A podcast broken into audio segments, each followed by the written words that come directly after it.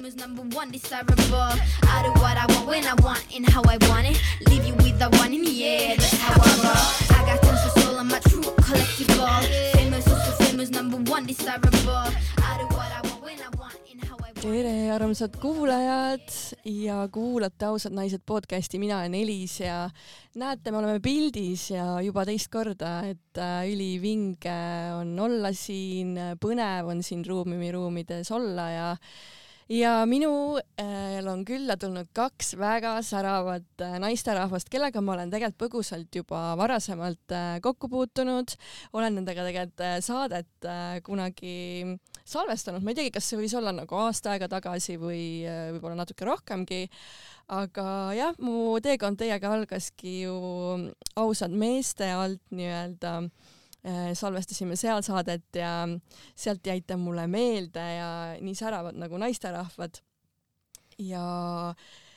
mm, see mm, bränd äh, nimega Sina raamat vist äh, pärast seda, kui ma selle raamatu sain äh, oli mul kapi peal üsna pikalt. Ja, ja siis äh, nüüd ma olen selle nagu kätte võtnud terve kaks tuhat kakskümmend kaks aasta. Ma seda mingi noh, niimoodi vahelduva eduga ikkagi nagu tegin ja pusisin ja kirjutasin, et äh, ja nüüd ma uuesti tunnen tegelikult, et ma vajan ümberkirjutamist, sest et mu nagu ideed ja mõtted on nagu täiega nagu muutunud ja,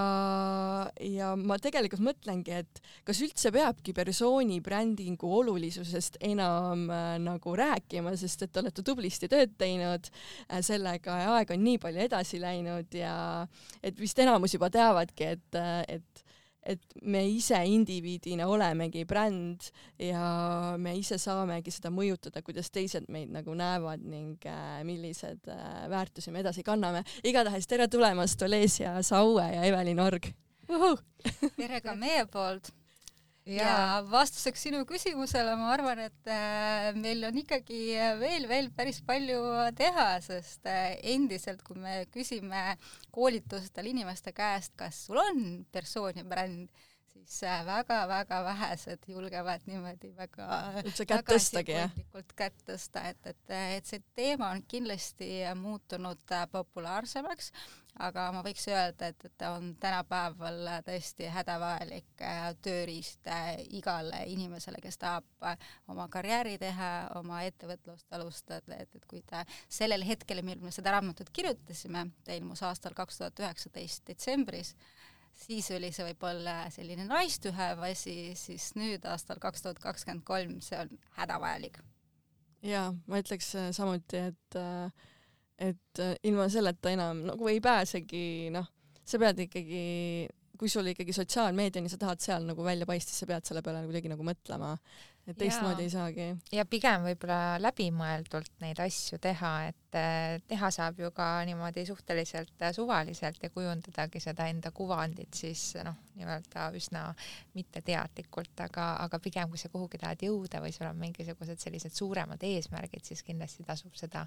teadlikult teha, et mul on hästi hea meel, et sa ise ka selle kaks tuhat kakskümmend kaks ette võtsid, et võib-olla küsiks sult ka, et mis siis kõige suuremad väljakutsed olid, et miks sa nii kaua aega võtsid selle läbitöötamiseks? Jaa, ma ei teinud seda tõepoolest läbi nii, nagu teil see veebiakadeemia üles ehitatud on, et mingi seitse nädalat või palju. no see on selline soovituslik, soovituslik täpselt, et jah. siis sa lähedki hooga mm. -hmm mul tulid ja mingid sellised stopid nagu, ma täpselt ei teadnud veel, mis see minu nagu teenus on ja see on nüüd ajapikku nagu kujunenud ja nüüd on nagu väikselt selgus käes ja nüüd ma saan nagu vaikselt hakata tulema välja ja, ja tean seda võib-olla enda, enda selliseid äh, külgi ja jah, et mis seal võib-olla oota minu jaoks raske oligi, see väärtuspakkumise osa kindlasti oli üks väljakutsuvaid osasid. Ja äh, siis seal muidugi see strateegia või see nagu teine po-, teine osa seal oli ka midagi, kus ma jäin veel natuke niimoodi, et mis see võiks täpsemalt olla.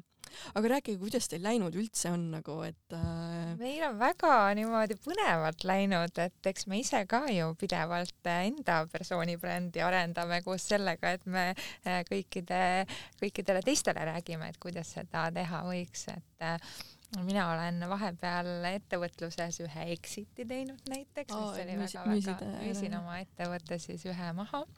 mis oli väga põnev selline kogemus ja, ja siis kindlasti äh, see võimalus tuli minule väga palju ka selles, et et ma nähtav olin, et ma nii-öelda oma ettevõtte brändi väga palju panustasin, et, et selles mõttes mul on endal väga äh, hea näide, et äh, kuidas seda siis äh, äh, kui palju kasu sellest tegelikult on ja nüüd me Olesiaga kirjutame juba teist raamatut. jaa, peaks äh, see aasta valmis saama avaldate ka natukene või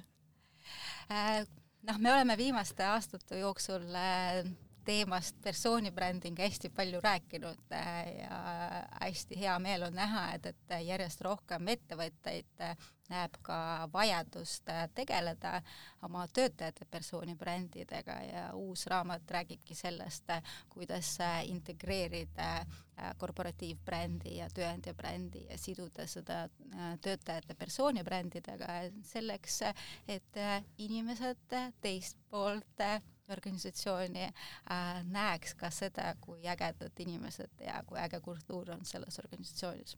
jah, mhm. sest seal on ju see, et äh, ühelt poolt on äh, kogu see persooni bränding hästi oluline neile, kes on freelancer'id, kes tahavad oma ettevõtet äh, teha, kes tahavad oma äriga alustada, et noh, ilma selleta sa ei saa, sest see annab sulle tegelikult nii palju sellist tasuta turundust, milles muidu maksaks väga palju ja sul võib-olla seda eelarvet ei ole. aga teine pool ongi see, et kui sul on suur ettevõte, kus on palju ägedaid töötajaid ja sul on vaja jätkuvalt seda ägedat tiimi kasvatada seal, et ettevõtet kasvatada, siis tegelikult sa saad sellise eh, win-win eh, olukorra luua, kui sa esiteks võimestad neid töötajaid, et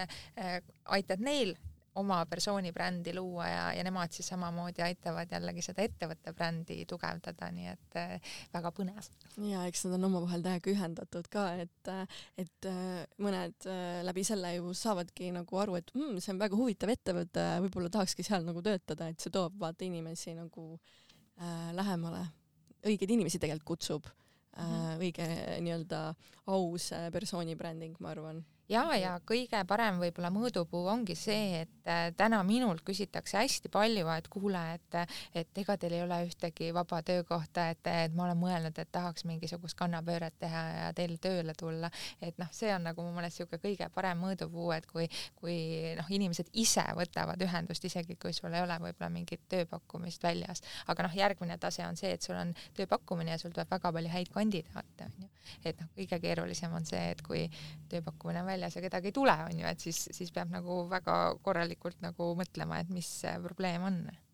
ja tänapäeval äh, paljuski tänu sotsiaalmeediale teistpidi tegelikult ei saa, sest äh, sotsiaalmeedia on üles ehitatud inimestevahelisele suhtlusele ja ettevõtted saavadki seal eristuda ja läbi äh, välja paista ainult siis, kui nad näitavad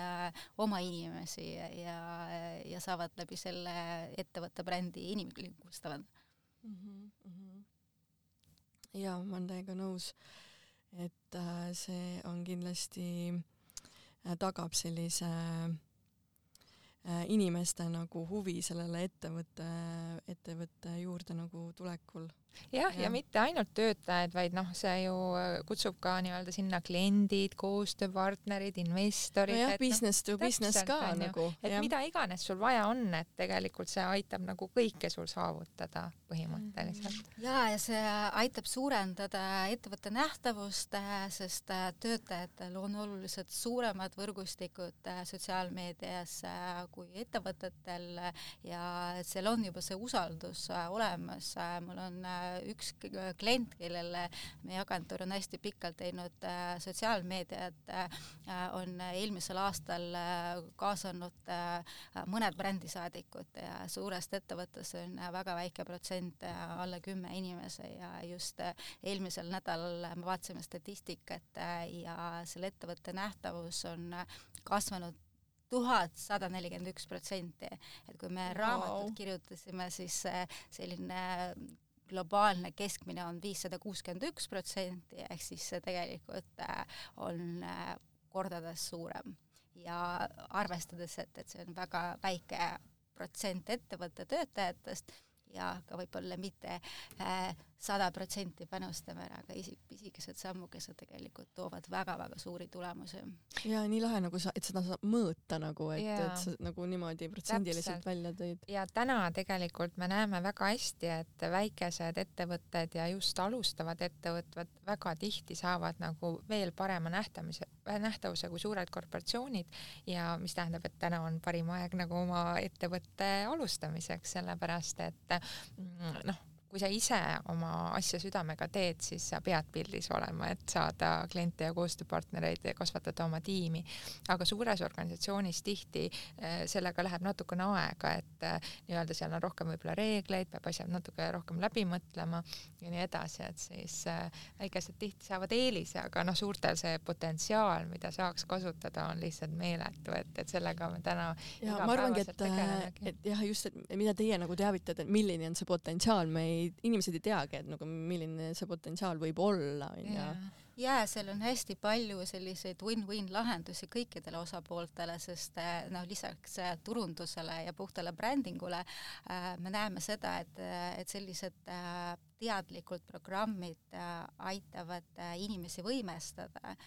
siis ettevõtted aitavad oma inimestel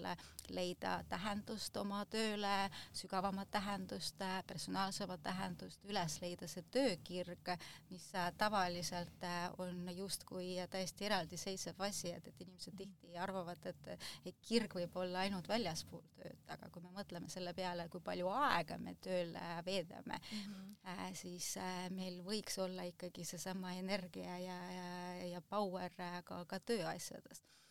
samas äh, üks äh, võib-olla kõige olulisematest uuringutest meie jaoks, mis meid motiveerib tegutsema, on Gallupi uuring, mis näitab et, et kaheksakümmend viis protsenti töötajatest ei ole rahul või lausa vihkavad oma tööd, mis tähendab seda, et see tööpõld on väga-väga suur, aga ka potentsiaal on, on meeletu.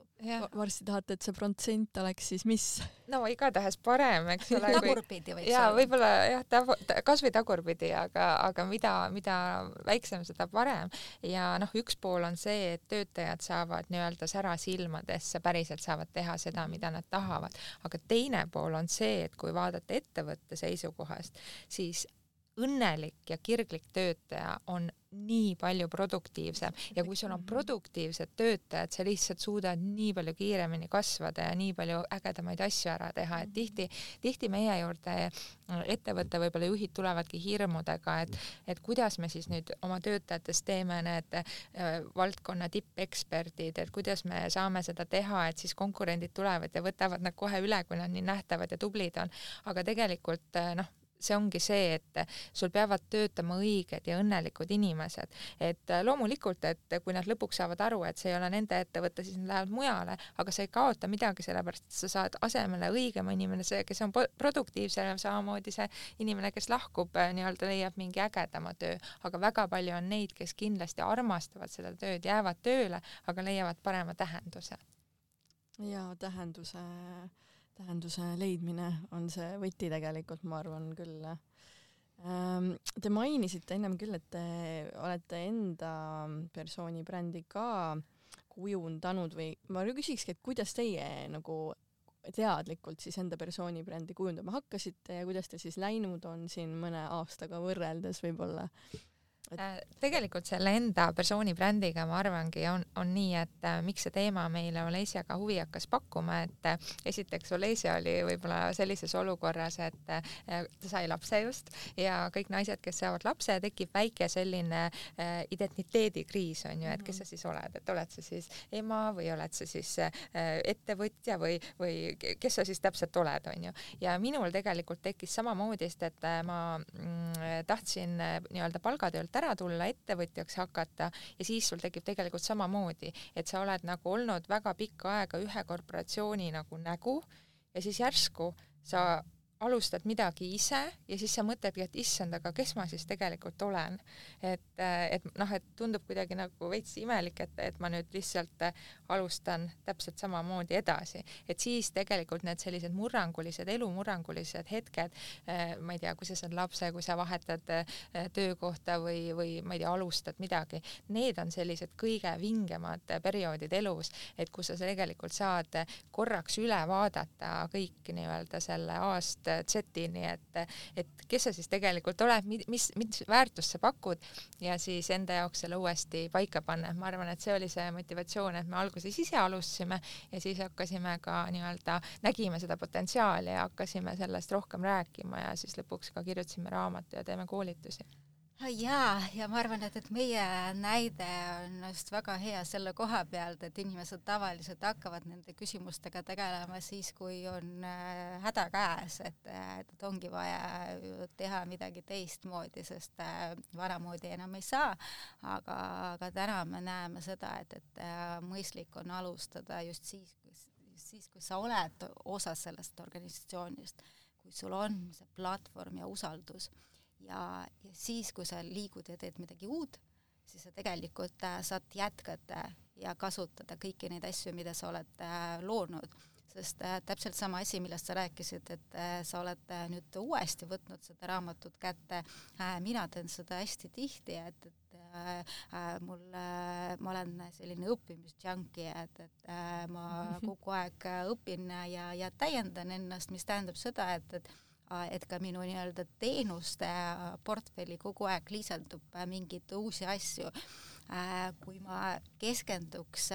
oma persooni brändi loomisel alguses ainult teenuste peale, siis ma sisuliselt peaks iga poole aasta tagant seda kõike muutma aga kui ma lähtun sellest, kes ma olen ja loon seda persooni brändi enda identiteedi peale, mõtlen ka selle peale, et, et kuhu ja mis suunas ma tahan areneda, siis kõik asjad, mida ma juurde lisan teenuste mõttes, nad on hästi loogilised, nad on seotud minu väärtustega, nad on seotud minu miksiga ja siis, kui see on selge minu jaoks, siis see on selge ka teistele inimestele ja siis tegelikult see loobki sellist unikaalset eristumist ja väärtuspakkumist, pakkumist, sest see terve see kombo, mida ainult mina näiteks saan pakkuda, aitab mul ka enda teenuseid müüa, ilma selleta, et ma peaks neid müüma traditsioonilises mõttes. Ja praegu me räägime nii palju nagu sellest müümisest ja nähtaval olemisest, aga üks selliseid suuremaid müüte võib-olla, mida inimesed nagu noh, arvavad persooni brändingust ja võib-olla mis natukene ka hirmutab, ongi see, et et kui sa justkui arendad oma persooni brändi ja kujundad seda teadlikult, et see tähendab, et sa pead olema avaliku elu tegelane ja sinust peab teadma nagu terve Eesti või terve maailm. noh, tegelikult see nagu on kõige suurem vale arusaam. jaa, me mõtleme, et meil peab olema hullult palju jälgijaid kogu aeg, et tegelikult äh, ei pea olema, tulevadki need äh, õiged inimesed läbi persooni brändi tegelikult sinu juurde, nad tulevad energia pärast ju tegelikult. et neid võib olla, võib-olla sul on vaja ainult, äh, ma ei tea, kakskümmend, kolmkümmend oma äh, valdkonna tegijat, kes peab sinust teadma ja sellest piisabki, aga sa pead lihtsalt selle läbi mõtlema, kes peab sinust teadma ja kui nii-öelda suur mõjuulatus sul peaks olema, et kas piisab sellest kolmekümnest inimesest või on sul vaja kolmsada, on nad kõik Eestis, on nad Tallinnas, on nad, ma ei tea, võib-olla hoopis kuskil eh, Põhja-Euroopas on ju, et, eh, et oluline ongi enda jaoks nagu tegelikult see kõik läbi mõelda, et see noh, nagu kõikide asjade puhul, et siis, kui sa tead, mida sa tahad, siis nagu seda saavutada on väga-väga lihtne, aga kõige suurem probleem reeglina ongi see, et ei võeta aega, et mõelda läbi, mida ma siis tegelikult tahan. ja, ja võib-olla isegi teatakse seda üldist nagu äh,, nagu sellist visiooni nagu, et mida ma tahan, onju, aga need äh, vot siuksed väiksed detailid, mis seal Veebiakadeemias ka tulid nagu esile, siis nagu nende peale sa ikkagi igapäevaselt nagu ei mõtle või sa nagu ei oskagi nagu nende peale niimoodi tulla või siis see nagu Veebiakadeemia tõepoolest nagu äh, paneb nagu sellistesse kohtadesse mõtlema, mis pärast on persooni brändingu kasvuks nagu vajalikud kohad või sellised väga olulised kohad. Ja need on tegelikult ju ülilihtsad küsimused mm, -hmm. aga sellised, et vaata, tekib äh, tunne vahepeal, et viskaks nagu oska, kõik ja, selle nurka, onju. just, et ei oskagi midagi kirjutada, täiesti blank on ja et paneme nüüd kuskile ära vaata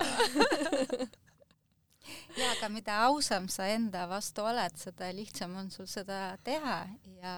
ega see persooni bränd äh, ei ole mingi asi, mida sa saad ükskord teha ja siis äh, see jääbki selliseks. just, et see on kogu vaid... aeg muutumises nagu ja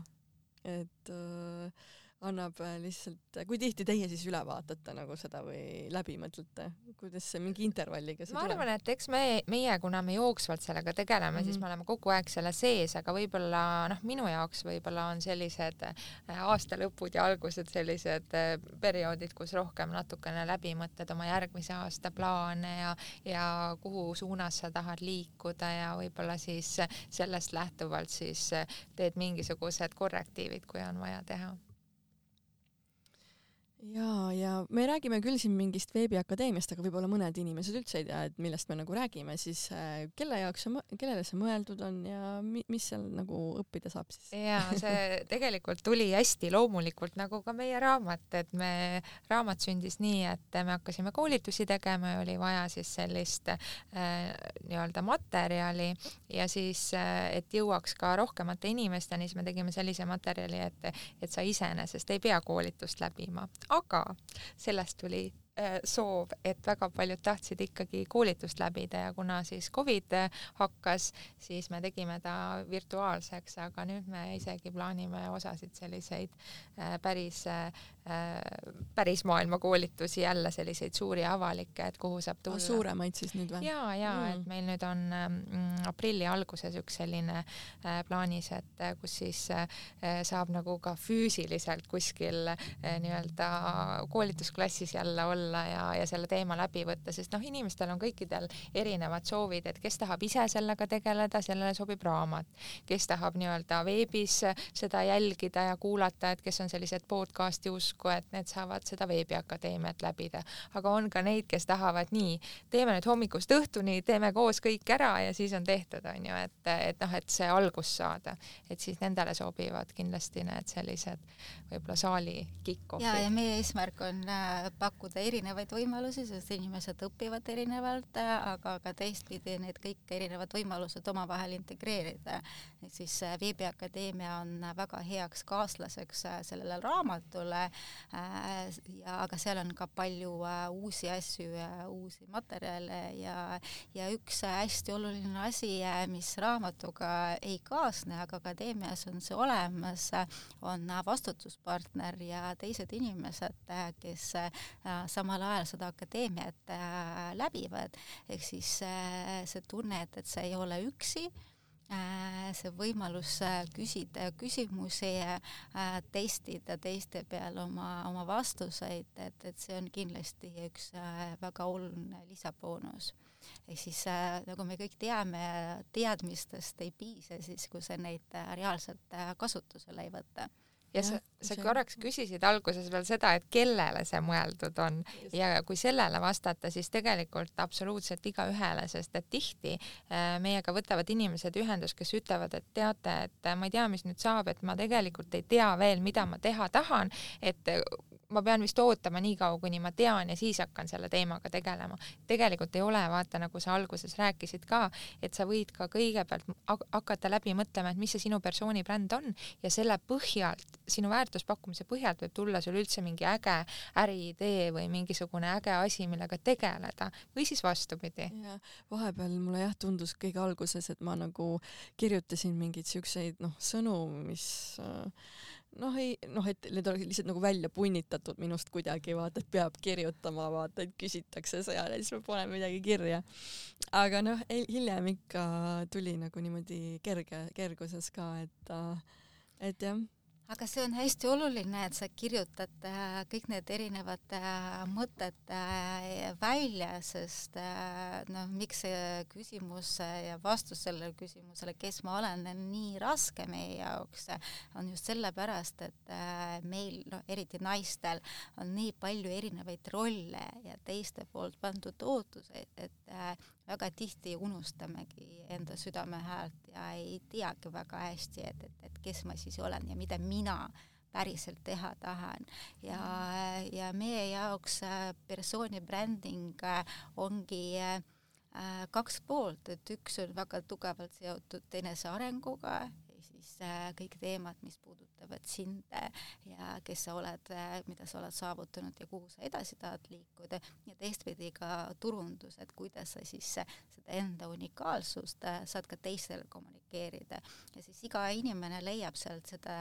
olulist osa, et, et osad tulevadki niimoodi, et, et nad, neil on vaja iseendast aru saada, teistel on võib-olla see arusaam juba olemas, aga nad ei tea täpselt, et mis, mis nurga alt, mis kuidas nagu väljuda, kuidas minna ja. nagu mhm. inimeste ette ja et seal on nagu siuksed erinevad kohad. jah, ja võib-olla selline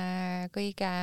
ebameeldivam teema väga paljude jaoks on just äh, selline müügi ja turunduse tegemine. aga kui sa ise oled ettevõtja ja tahad midagi ise teha, siis sa sellest ei pääse -hmm. tegelikult ja persooni bränding on üks selline võimalus, et kus sa saad teha seda müüki ilma sellise müümata, et selline vanakooli müük, kus ma ei tea, Eskimole müüdi lund lihtsalt määriti pähe, et, et selline on ammu juba noh, õnneks ajalugu, et tänapäeval noh, inimesed ikkagi teevad oma otsuseid väga palju väärtuste põhiselt, väga palju sel-, selle põhiselt, nagu sa mainisid ka, et et milline on su energia, et ma tahan sinuga koostööd teha, on ju, et õigete inimestega. et siis äh, persooni bränding annab selleks hästi palju võimalusi, et sa leiad õiged kliendid ja õiged äh, kliendid leiavad sinu ka ja see paistab nagu kohe välja, kui inimene teeb äh, südamega ja hingega tegelikult asja, siis ka inim, nagu koostööpakkumised ja muud tahavad kohe tulla su juurde, vaata. aga teil on see raamat ka inglise keeles, see tuli nagu hiljem, kuidas sellel läinud on? Äh, ingliskeelne raamat jällegi tuli vajadusest, sellepärast et Eestis on nii palju selliseid ägedaid ettevõtteid, kellel on nii rahvusvaheline tiim, et kui me neid koolitusi tegime, siis meil oli hästi äh, võib-olla ebaviisakas anda siis kõikidele eestikeelsed raamatud, kuigi osad rääkisid inglise keeles ja me teeme hästi palju koolitusi ka inglise keeles, et siis kasvaski sellest vajadusest välja, aga noh, täna muidugi see raamat on rännanud nagu igale poole, alates Indiast kuni siis ma ei tea, Ameerikani wow jaa, see on äh, oma elu hakanud elama, et äh, aga üleüldse selle raamatu nii eestikeelse kui ka ingliskeelse raamatu lugu on, on kindlasti ka meie äh, enesearengu ja, ja lavale astumise ja, ja hirmudest ülesaamise lugu, sest äh, siis, kui me eestikeelset raamatut hakkasime kirjutama, siis äh, eks meil oli väga palju küsimusi, et, et, et, et kuidas see siis välja tuleb ja kellel ikka seda vaja on ja mida teised siis arvavad tulevad ja.... see on nii tüüpiline, kui sa välja tuled. ma eile tegin e, e, oma, oma esimest um, sellist naisteringi uh,, kus me tantsisime ja nii edasi. ja, ja kohe hakkas mul ka tulema need filtrid peale, et kas neile üldse meeldib see, kas uh, kas see on vajalik ikka neile, uh, noh, siuksed kõhklused ja kahtlused kohe nagu tulevad, kui sa hakkad enda, enda väärtust nagu välja andma mm, -hmm. vaata aga see on nii naljakas, et see tegelikult on kõikidel inimestel, et me oleme rääkinud ka väga vingete tippjuhtidega, me oleme rääkinud oma valdkonna tippekspertidega, kõikidel on see nii-öelda sündroom olemas, et kes ma siis tegelikult olen, et ma seda teemat üldse räägin või kuidas ma julgen öelda, et ma olen ekspert, sest mis on suur probleem, ongi see, et kui sa tead väga vähe, siis nii-öelda see teema, mida sa tead, ongi pisikene, aga mida rohkem sa oma teemast tead, seda rohkem sa saad ka aru, et kui palju sa tegelikult veel ei tea, sellepärast et noh, kõik teemad on väga-väga laiad, on ju, ja siis äh, ja, ja huvitav paradoks ongi, et, et mida rohkem inimesed oma valdkonnast ja teemast teavad, seda rohkem neil kõhklusi ja kahtlusi on. ongi siis... nii, ma mõtlesin just vastupidi, et nagu, et kui ma te, no tean väga palju, et siis äh, mul on enesekindel nagu minemaks inimeste ette ja avalikult esinema. pigem öeldakse, et ignorance is a bliss ehk siis äh, ja selle kohta on ka uuringuid äh, tehtud, et siis kui inimesed teavad mingist valdkonnast hästi palju või on mingi teemaga hästi äh, palju äh, tegelenud, äh, siis nad on väga avatud uutele mõtetele ja nad on väga kiiresti tunnistavad, et jah, see ei ole õige, et ma olen eksinud, et on olemas teised arvamused. aga siis, kui inimene noh, ongi näiteks ühte raamatut läbi lugenud, siis ta jääb väga kindlaks oma teadmistesse kinni ja siis ta ei usu ka, et, et teistmoodi on võimalik. Ehk siis äh, me näeme seda persooni brändingus ka, et, et inimesed, kes alustavad võib-olla nullist, neil on seal selle koha peal lihtsam, noh, neil võib-olla ei ole ka midagi kaotada, et, et kui inimesed on aastakümneid äh, oma nišis omamoodi tööd teinud, siis äh, astuda teistpidi lavale ja proovida midagi uut äh, on palju hirmutavam, siis võib-olla on rohkem ka kaotada aga üleüldse persooni brändiga äh, ja persooni brändinguga ongi seotud inimestel hästi palju alateadlikke hirme, et, et, et see lavale astumine ja enda mõtete teistega jagamine on, on hirmutav, aga jällegi paradoks, et, et mida rohkem sa iseenda mõtteid ja, ja, ja tundeid ja emotsioone jagad, mida rohkem sa räägid enda lugusid, mitte ainult õnnestumiste kohta või ebaõnnestumiste või õppetundide kohta, siis äh, seda enam sa tegelikult teiste inimesi kõnetad ja, ja seda rohkem nad saavad samustuda ka sinuga. Ja ma olen nõus, et see paindlikkus on hästi oluline tegelikult äh, persooni brändingu puhul, et sa ei jääks nagu enda mingisse kindlasse sisse raiutud äh, radaviisi, vaid sa nagu natukene avardaksid ennast, et äh, väga paljud inimesed on ju spetsialiseerunud väga nagu kindlale asjale niimoodi ja siis äh, kui tuleb mingi teistsugune vaatenurk, et siis äh, mõnikord tuleb neil plokk ette, et noh, see on tõesti hästi psühholoogiline, et sa saad tundma ennast hästi palju selles protsessis mm. -hmm. jah, see ongi ja. nagu võikski öelda nagu eneseareng ja, ja noh, tänapäeval, kui võtta ka ettevõtteid, et siis eh, kõik viimased uuringud näitavad, et ka töö rahuloluga on väga tugevalt seotud just see, et inimesed tahavad eh, areneda tahavad nagu ennast rohkem tundma õppida ja tahavad nii-öelda areneda, et mitte lihtsalt teha hommikust õhtuni seda äh, tööd, milleks neid tööle võeti, vaid tahavad selle juures ka pidevalt areneda ja noh, see on ideaalne variant, et, et sa päriselt mõtledki läbi, et kes sa siis oled, kuidas sa oma neid võtmetugevusi kõige paremini kasutada saaks ja siis nii-öelda päriselt neid rakendad. ja kui te olete inimestega nagu Lähemegi võib-olla siis selle mm, enda miksi leidmise kire juurde, et kui te olete nagu inimestega tööd teinud, mis siis on äh, takistanud seda miksi leidmist näiteks? ma arvan, et inimesed lihtsalt ei ole selle küsimuse peale mõelnud. tõsi äh, kui sa mõtled äh, laste peale, siis äh, noh, umbes kuni seitsmenda, kaheksanda eluaastani nende põhiküsimus on, on miks. Aga täiskasvanutele see küsimus äh, väga ei meeldi, sest see küsimus on, on väga ebamugav ja sellele on väga keeruline vastata ja noh, coaching us näiteks proovitakse üldse seda küsimust vältida, sest see võib äh, tekitada agressiooni blokeerida mm, -hmm. aga, aga see on hästi oluline küsimus sest see aitab sul jõuda päris, päris asjadeni. Äh, aga sellele küsimusele tasub otsida vastuseid ja iga inimene, äh, kui ta leiab seda õiget äh, vastust, siis ta saab sellist sisemist motivatsiooni, mis aitab tal edasi liikuda ja kirg ja miks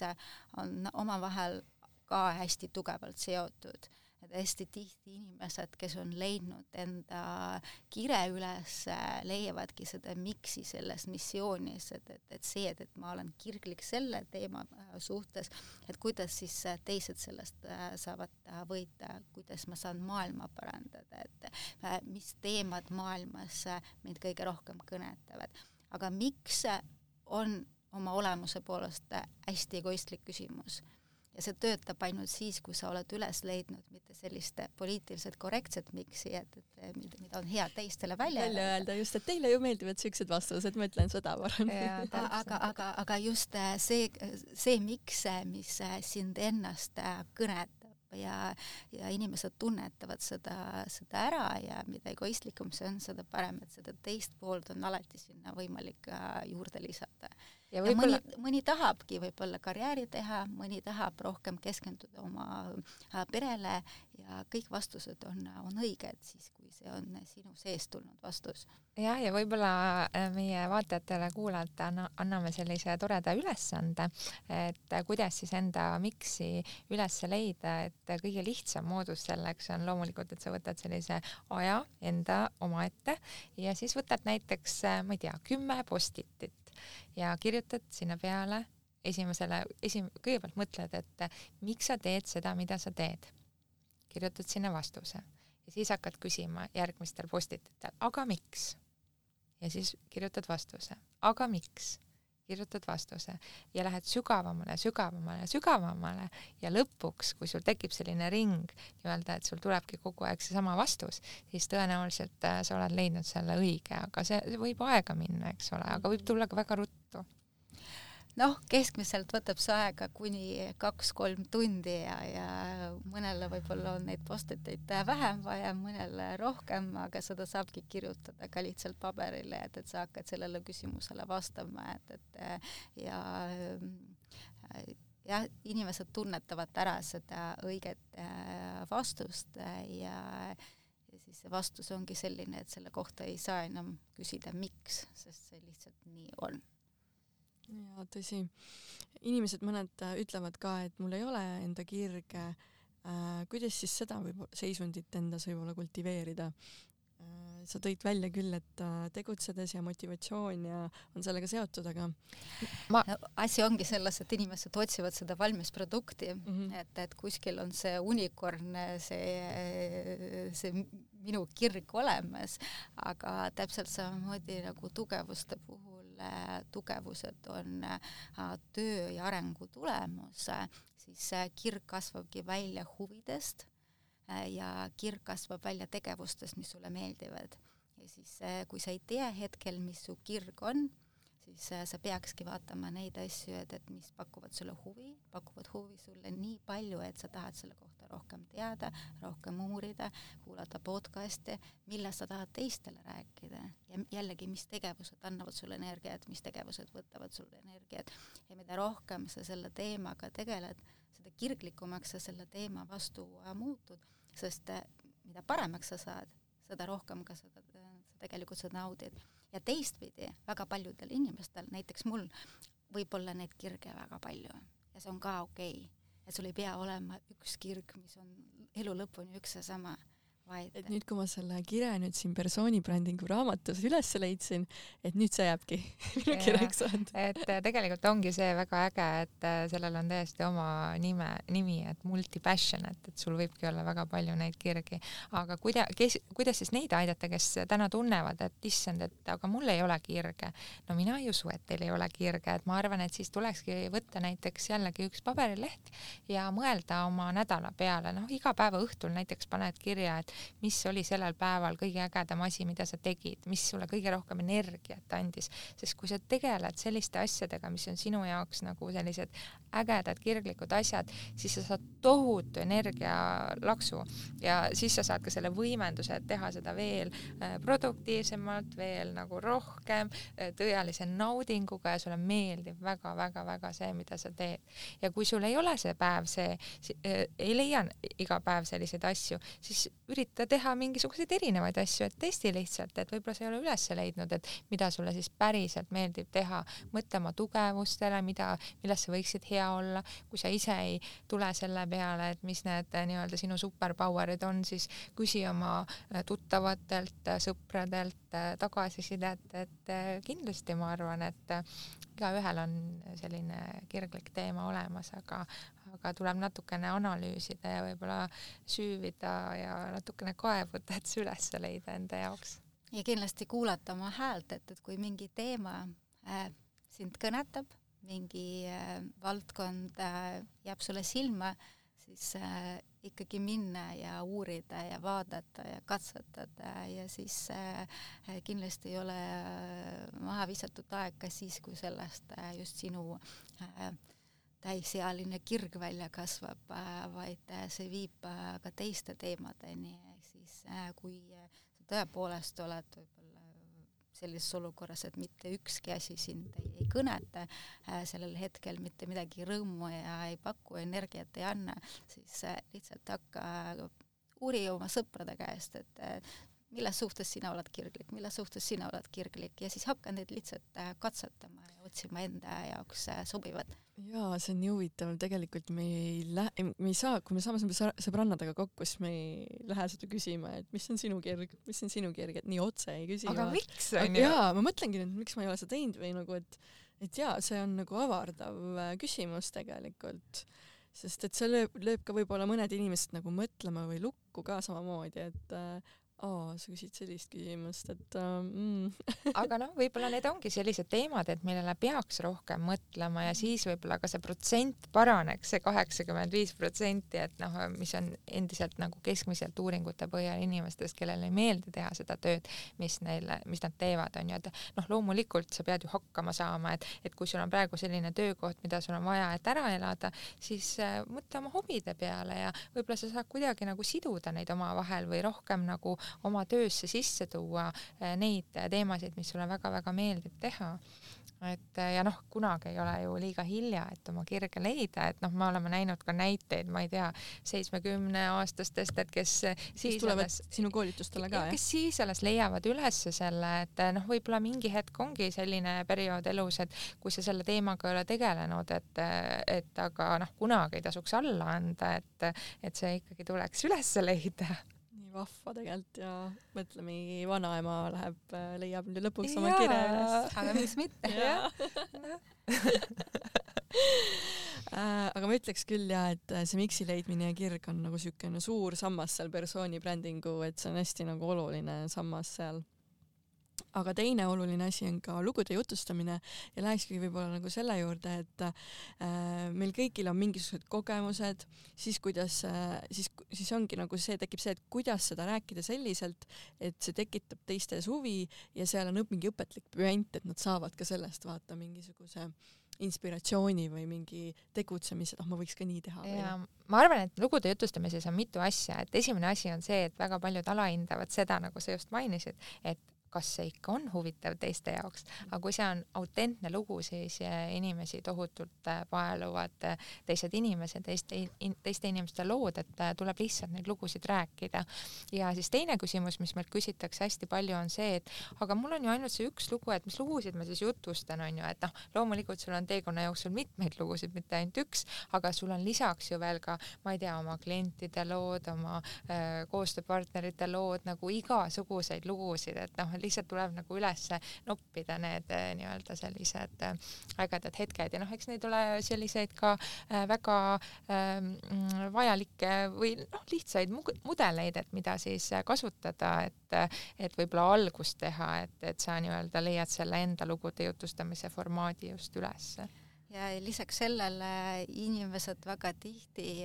arvavad, et äh, sellel lool peaks olema see äh, viimane punkt ja siis on mul justkui õigus rääkida oma lugu, aga teistel inimestel on oluliselt huvitavam ja ka inspireerivam kuulata just sinu teekonna lugu. siis kui sa oled näiteks minust paar sammu eespool siis sinu lugu inspireerib mind oluliselt rohkem kui kellegi lugu, kes on minust väga-väga kaugel, nagu sest üle. ma ei suuda selle inimesega samastuda, aga sina oled täpselt samasugune kui mina, sa oled lihtsalt natuke nagu kaugemale edasi jõudnud. Ja igas päevas on neid lugusid väga palju, ehk siis see on lihtsalt oskus ja, ja harjumus, et sa märkaks asju, mida sa saad ka teistega rääkida, jagada. ja see lugu ongi sinu nägemus ja see, mida sa oled õppinud. ja teistpidi me kõik, väga paljud naised äh, oleme perfektsionistid, me tahame, et, et ka see lugu oleks perfektne ja ideaalne, aga see, mis teisi inimesi kõnetab, millega nad suudavad samastuda, on äh, lood äh, selle kohta, kuidas sul mingi asi nässu läks mm -hmm. ja mhm. kuidas sa sellest välja tulid ja mida sa sellest õppisid. Äh, see on jällegi väga suur paljude jaoks väga suur äh, samm enda mugavustsoonist äh, väljaastumiseks, et mida siis teised minust arvavad, kui ma ei olegi nii ideaalne äh, naine või, või ema või, või, või, või töötaja, aga, aga sinu enda kogemused just sellised kogemused, millest sa, sa saad õppida, aitavad sul endal areneda ja aitavad ka teisi. Jaa, meil on tõesti nagu palju kogemusi, minu jaoks võib-olla ongi see, et et mis suunas siis seda nagu äh, rääkida, et erinevas suunas võib ühte lugu ju rääkida nagu panna fookuse ühte kohta ja fookuse teise kohta, et et et äh, seal tekib jah see, et siis noh, see kõik äh, lõpuks kokku äh, lähebki oma nagu selle persooni brändinguga, et, et mis on see väärtus ja siis sealt niimoodi nagu mudid seda lugu enda. ja, ja mõtled natukene ka, et kellele sa seda lugu siis räägid, et ta saaks samastuda, et noh, ma ei tea, kui ma lähen ettevõtjatele rääkima või investoritele rääkima, siis ma võin rääkida ja seda, et, et ma olen viis aastat tegelenud ettevõtlusega, ehitanud kolm ettevõtet üles, teinud ühe exit'i, aga kui ma lähen persoonibrändingust rääkima, siis ma loomulikult räägin, et, et mina alustasin sellest punktist, et kui mul oli oma eh, nii-öelda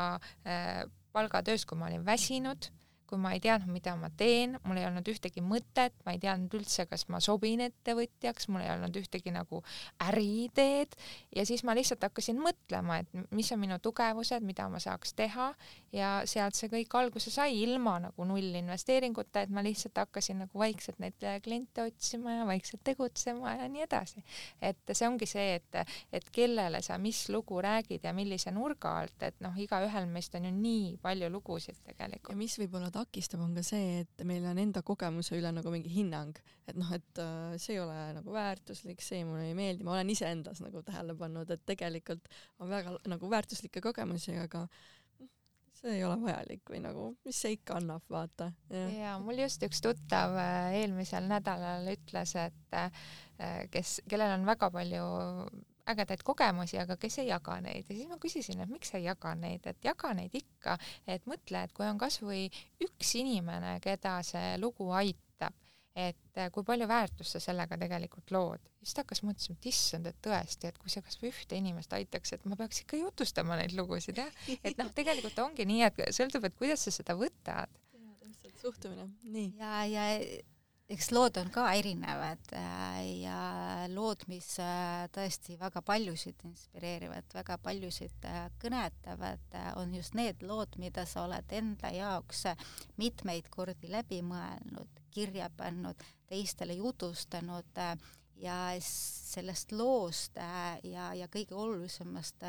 aspektist ja sellest õppetunnist on välja koorunud selline siirup sest äh, siis, kui me hakkame oma lugusid äh, jutustama, siis äh, tihti meil on väga palju ebaolulist selle loo juures, aga selleks, et lugu oleks mõjuv, sa pead seda enda jaoks väga selgelt läbi mõtlema, et, et äh, sa peaks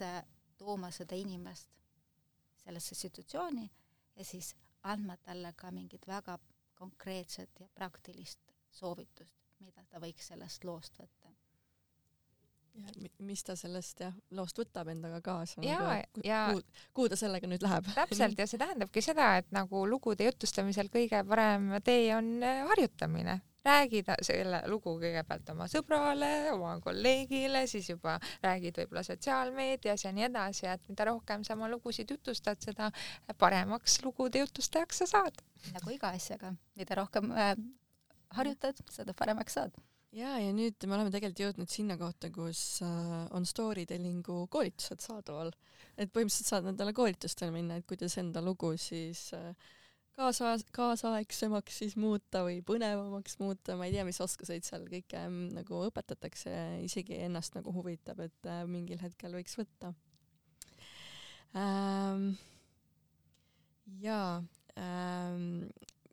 noh, tegelikult on lugude jutustamisel see missioon ja visioon äh, ka oluline aspekt, ma mäletan seal Veebiakadeemias te mainisite ka seda, et äh, võite võib-olla seda rääkida, et miks see nagu oluline on seal äh, see välja tuua siis, see visioon ja missioon no missiooni mõttes, eks see mingis mõttes ongi seotud su miksiga, et, et mhm. mida rohkem sa seda sinna sisse tood, et eh, seda olulisemaks see lugu noh, mitte ainult sinu jaoks ei ole, vaid inimesed mõistavad ka, et eh, miks sa neid asju teed, et, et see on nagu ma arvan, kindlasti üks oluline osa selle lugude jutustamise juures. sa küsisid ennem, et, et, et kuidas siis valida seda fookust või, või nurka, kuidas seda lugu rääkida ja see lugu võibki olla äh, noh, selline nagu raamistik, äh, mis koosneb äh, väga paljudest erinevatest pusletükkidest, väga paljudest erinevatest lugudest, sest iga sinu postitus võib olla üks eraldi lugu, aga kui sa mõtled äh, enda miksi peale, siis sa saad neid siduda selliselt, et nad lõppkokkuvõttes moodustavadki tervikut ja sa saad leida just äh, või aidata teistel inimestel jõuda just sinna, kuhu sa tahad, et nad jõuaks tänu nendele lugudele, et, et sul on kõikides nendes lugudes üks äh, läbiv äh, mõte, mida sa tahad teistele anda mm. -hmm. et selline läbimõeldud peab see kõik seal olema. no vot, ega ta alguses ju ei pea, et alguses saad lihtsalt hakata jutustama, aga siis, kui sa seda viimistled või kuhugi, kuhugi tahad nii-öelda sellise eh, noh, tõesti sellise vinge loo ära rääkida, et siis mida rohkem sa seda harjutanud oled ja läbi mõelnud, et seda parem ja ma võib-olla lisaks eh, siia juurde ka seda, et, eh, et kõige mõjuvamad lood on tavaliselt sellised, mida sa ei taha teistele rääkida. ehk siis äh, need on äh, hästi valusad kogemused äh, ja, ja see võtab väga, väga palju võib-olla sissevaatamist, see võtab väga palju julgust, et sa hakkaks seda rääkima, aga inimesed tunnetavad seda, et see kogemus tuleb südamest, et see on päriselt ja need lood ongi kõige, kõige mõjuvamad ja, ja, ja kindlasti mina julgustaks kõiki otsima äh, enda äh, elust selliseid äh, lugusid ja, ja mitte kartma neid teistega jagada, sest ühest küljest see aitab sind seda kogemust võib-olla veel paremini läbi elada, omandada kõiki neid õppetunde, mida oli vaja sellest kogemusest omandada ja edasi minna, aga teistpidi sa äh, seni, kuni sa oma lugu ei räägi, sa ei tea, kui paljusid sa saad aidata ja eh, kui see kogemus on sul olnud, siis äh, ma arvan, et, et see on oluline, et, et sa seda teistele jagad ka. ja siis, kui sa jagad seda, siis väga tihti selgub, et ka paljudel teistel inimestel on samasuguseid kogemusi olnud jaa, Olesja pani mind kohe niimoodi mõtteid ragistama, et peab need asjad ära tegema no täpselt ja, ja väga tasa ja, tasa ja targu niimoodi. täpselt ja väga hea on ju võtta enda jaoks see nii-öelda väike küsimus, et kui on vähemalt üks inimene, keda ma saan selle looga aidata, siis ma peaks ju rääkima seda lugu, eks ole. just, just, just. Mm, paljud meist äh, tahavad tegelikult olla ju enda elu kaanestaarid Äh, anda midagi endast välja, mis tekitab sellist fulfillment tunnet, millest me tegelikult rääkisime ka siin natuke juba. mis hirmud teie arvates äh, takistavad äh, seda elu loomaks äh,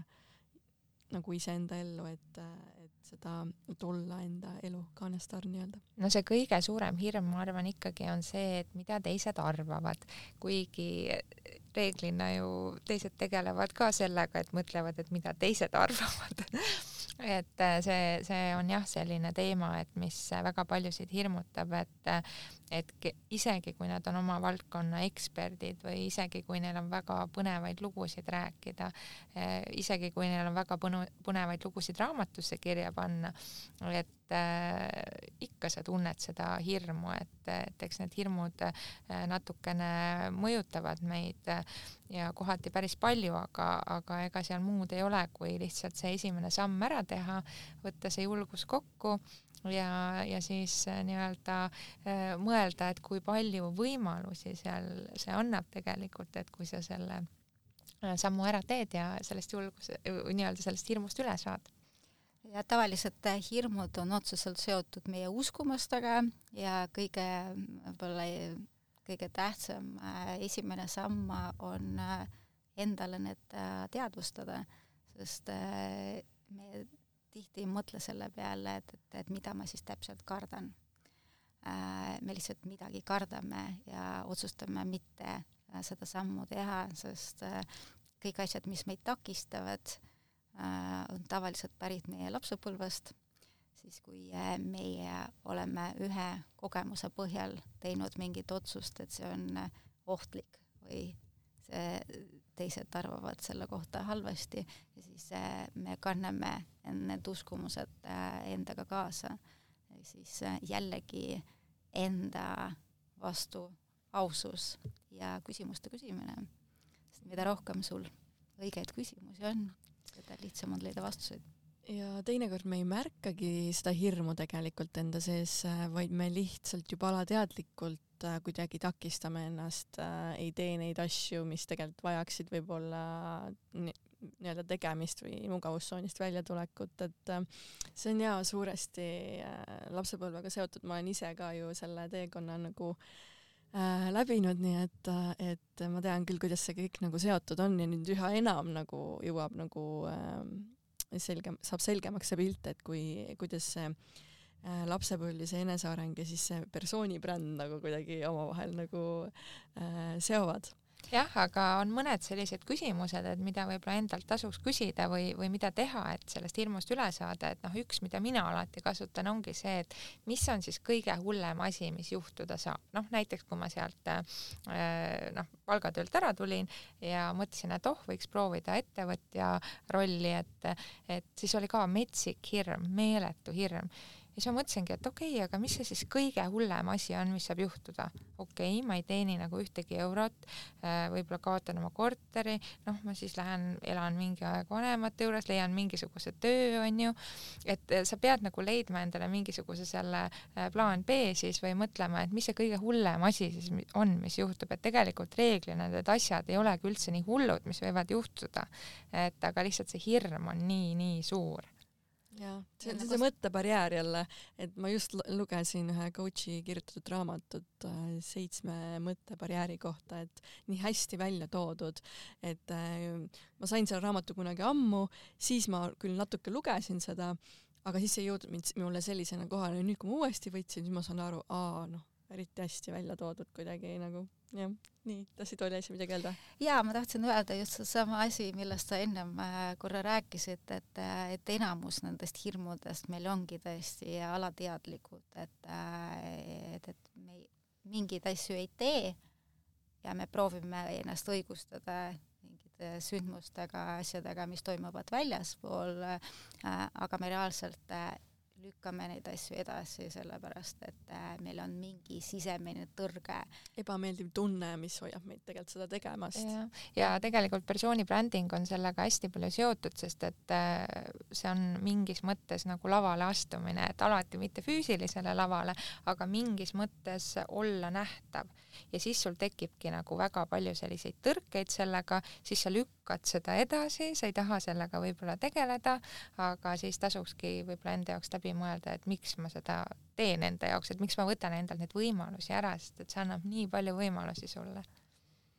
ja sa mainisid ka head kohta, kus äh, mina hiljuti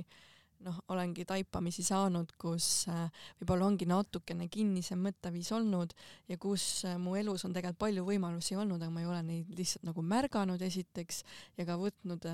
kinni nendest ja, ja võib-olla julgust ka, no ma ei tea, kuigi julgust mul on, aga aga nagu jaa, võib-olla mingil eluperioodidel olin nagu veidi endasse. jaa ähm, võib-olla siis äh, küsikski, et mis on teie kaks tuhat kakskümmend kolm plaanid see no, aasta? kõige suurem plaan meil on äh, raamat number kaks valmis saada, et, et sellega me siin usinasti juba eelmise aasta lõpus tegeleme ja, ja, ja see kindlasti saab siis äh, nii-öelda kaante vahele äh,. kindlasti teeme palju koolitusi kindlasti arendame ennast edasi, et nagu Liisa mainis, et me oleme ise ka sellised väga õpihimulised ja, ja tahame ennast väga palju edasi arendada. Ja see on üks äh, väga hea viis, kuidas äh, oma hirmudest üle saada ja oma eesmärke ka saavutada, teistele rääkida, et mida sa siis kavatsed ära teha. see on väga hästi töötanud meie esimese raamatuga ja, ja nüüd on meil selle teise raamatu lõpetamine on, on hästi oluline koht, aga me mõlemad Eveliniga oleme sellised, et me ühe koha peal ei suuda püsida ja eh, meil kogu aeg tulevad uued ideed ja projektid ja me oleme üksteisele väga headeks vastutuspartneriteks, et me kogu aeg tuletame üksteisele meelde, et, et see on väga hea, et tulevad uued asjad ja uued projektid, aga võiks ka äh, neid äh, projekte, mis on hetkel laua peal, ka äh, lõpuni viia ja, ja siis hakata teiste asjadega tegeleda. Uus raamat, kas siis on uus veebiakadeemia ka nagu silmapiiril? Äh, silmapiiril uut veebiakadeemiat praegu ei ole, aga nagu Leesja ütles, et neid mõtteid meil praegu on hästi-hästi palju, et äh, teeme praegu need asjad ära, mis me oleme siin äh, välja hõiganud ja mis on üsna lõpusirgel juba, aga kindlasti midagi põnevat tuleb veel. Väga põnev, väga põnev ma vaatasin, et mul on tegelikult siin üks Krutskiga küsimus, mille ma vist jätsin ennem vahele ka. et äh, kuna te olete nii äh, eneseteadlikud enda brändidest, siis äh, jagage võib-olla kolm asja, mida inimesed ei pruugi teie kohta väga teada. oh, kolm asja, mida inimesed ei pruugi meie kohta teada, no ma arvan, neid võib olla ka kolmkümmend kolm kindlasti. aga, aga, äkki alustada. aga noh, mingid jah, ei pea kõik. issand, mis valdkonnast täiesti no ütle, võtame siis täiesti lambi, võtame hobid näiteks. valdkondades, noh, mina võin näiteks seda öelda, et ma arvan, et võib-olla isegi Olesia seda ei tea, aga minu päris esimene töökoht, kus ma olen äh, nii-öelda alustanud äh, kooli kõrvalt, oli turvamees wow. turvamees kus kohas? Äh, ma olin, äh, vanalinnas oli üks niisugune tore väike majutusasutus ja ma olin äh, selline öine turvamees, kes valmistas ka hommikul hommikusöögi no kui me esimestest asjadest hakkasime rääkima, siis äh, selline päris esimene mitte väga ametlik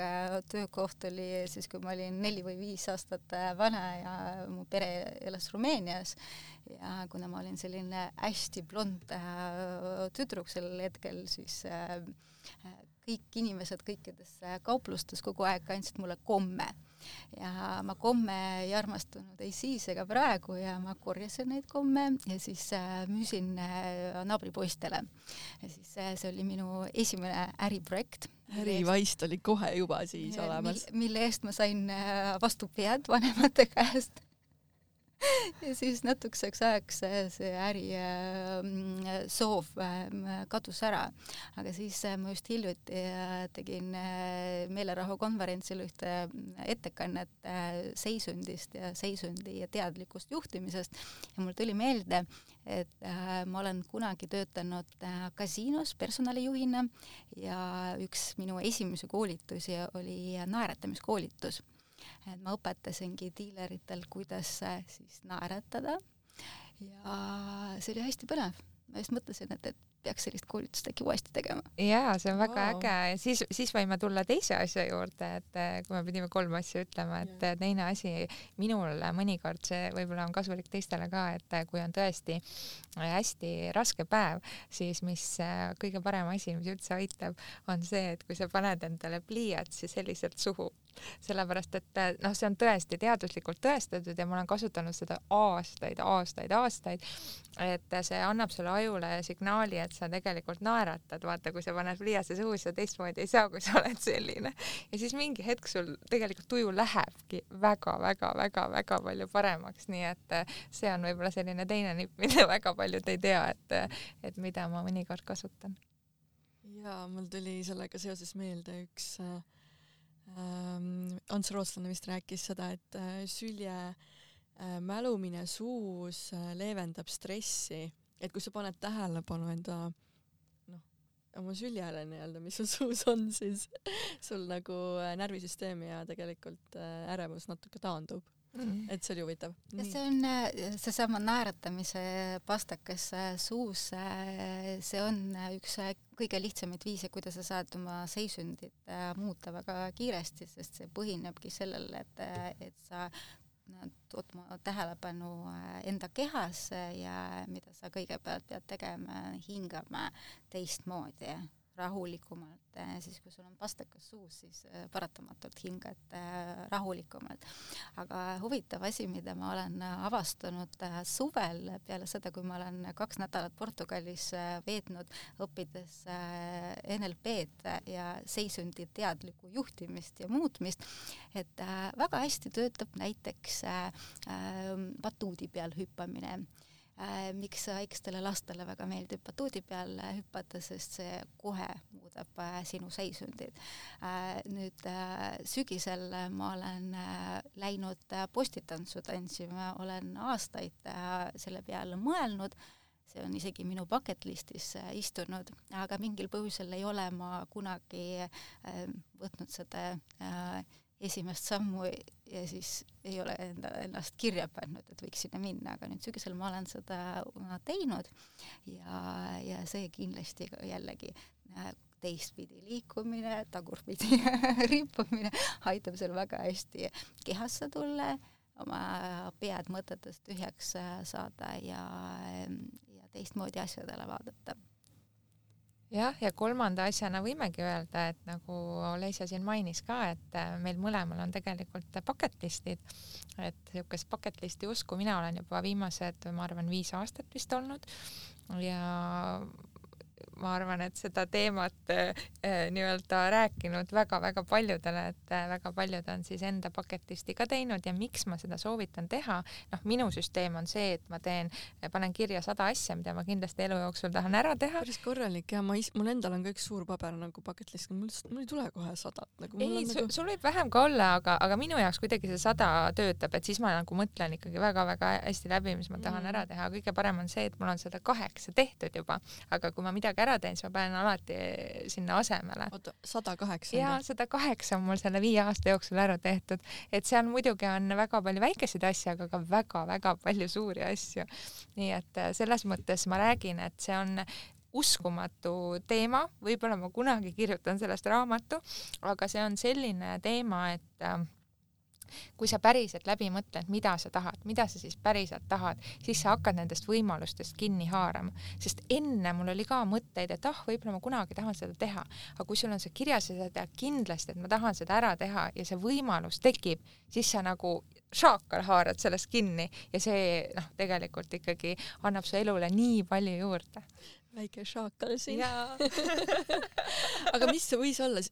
või paar tükki välja tuua, mis on sellised ek ekstreemsed või adventure? no ekstreemsed, no mul on hästi palju reisidega seotud igasuguseid selliseid ägedaid sihtkohti, aga, aga noh, näiteks ma arvan, et väga paljudel inimestel on bucket list'is see, et kirjutada kunagi raamat. Ja meie raamat sai ka sellepärast alguse, et mina näitasin oma bucket list'i Olesiale, Olesia teadis, et mul on see raamatu kirjutamine ja siis ta väga nutikalt helistas mulle, et Evelin, kas sa tahad teha ühte oma bucket list'i asja ära, et sul oli seal, et kirjuta raamat. Eh, kirjutame siis või ja, ja jällegi eh, ka nende bucket list'is olevate asjadega mina olen tähele pannud seda, et eh, siis kui mina suure õhinega olen kirja pannud enda soovid Äh, erinevalt Evelinist ma ei ole väga läbi mõelnud ega uurinud, et mis asju ma siis täpselt äh, tahan äh, ja miks ma neid tahan. Ja ma olen mitmeid kordi olen avastanud, kui ma olen mingit asja teinud, et ah, see ei olnud päris see ikkagi, mida ma tahan. ma olen mingeid asju ära jätnud välja visanud oma bucket list'is mingeid asju uuesti sinna juurde lisanud. Ja aga, aga see on hästi põnev teema. Äh, nüüd äh, oma õpingutele tugevnedes ma tean väga hästi, kuidas see, see töötab, äh, meie aju töötab niimoodi, et siis kui meil on mingi kindel asi ees ja kirja pandud asi on, on, on väga hea viis, kuidas enda jaoks mingit oma mõtet Äh, selgeks saada ja kristalliseerida, siis äh, me hakkamegi äh, välis, väljaspoolt märkama neid erinevaid võimalusi, sest muidu meie ümber on liiga palju informatsiooni ja me ei võta seda infot vastu. aga see on üks tõesti põnev viis, kuidas oma elu väga huvitavaks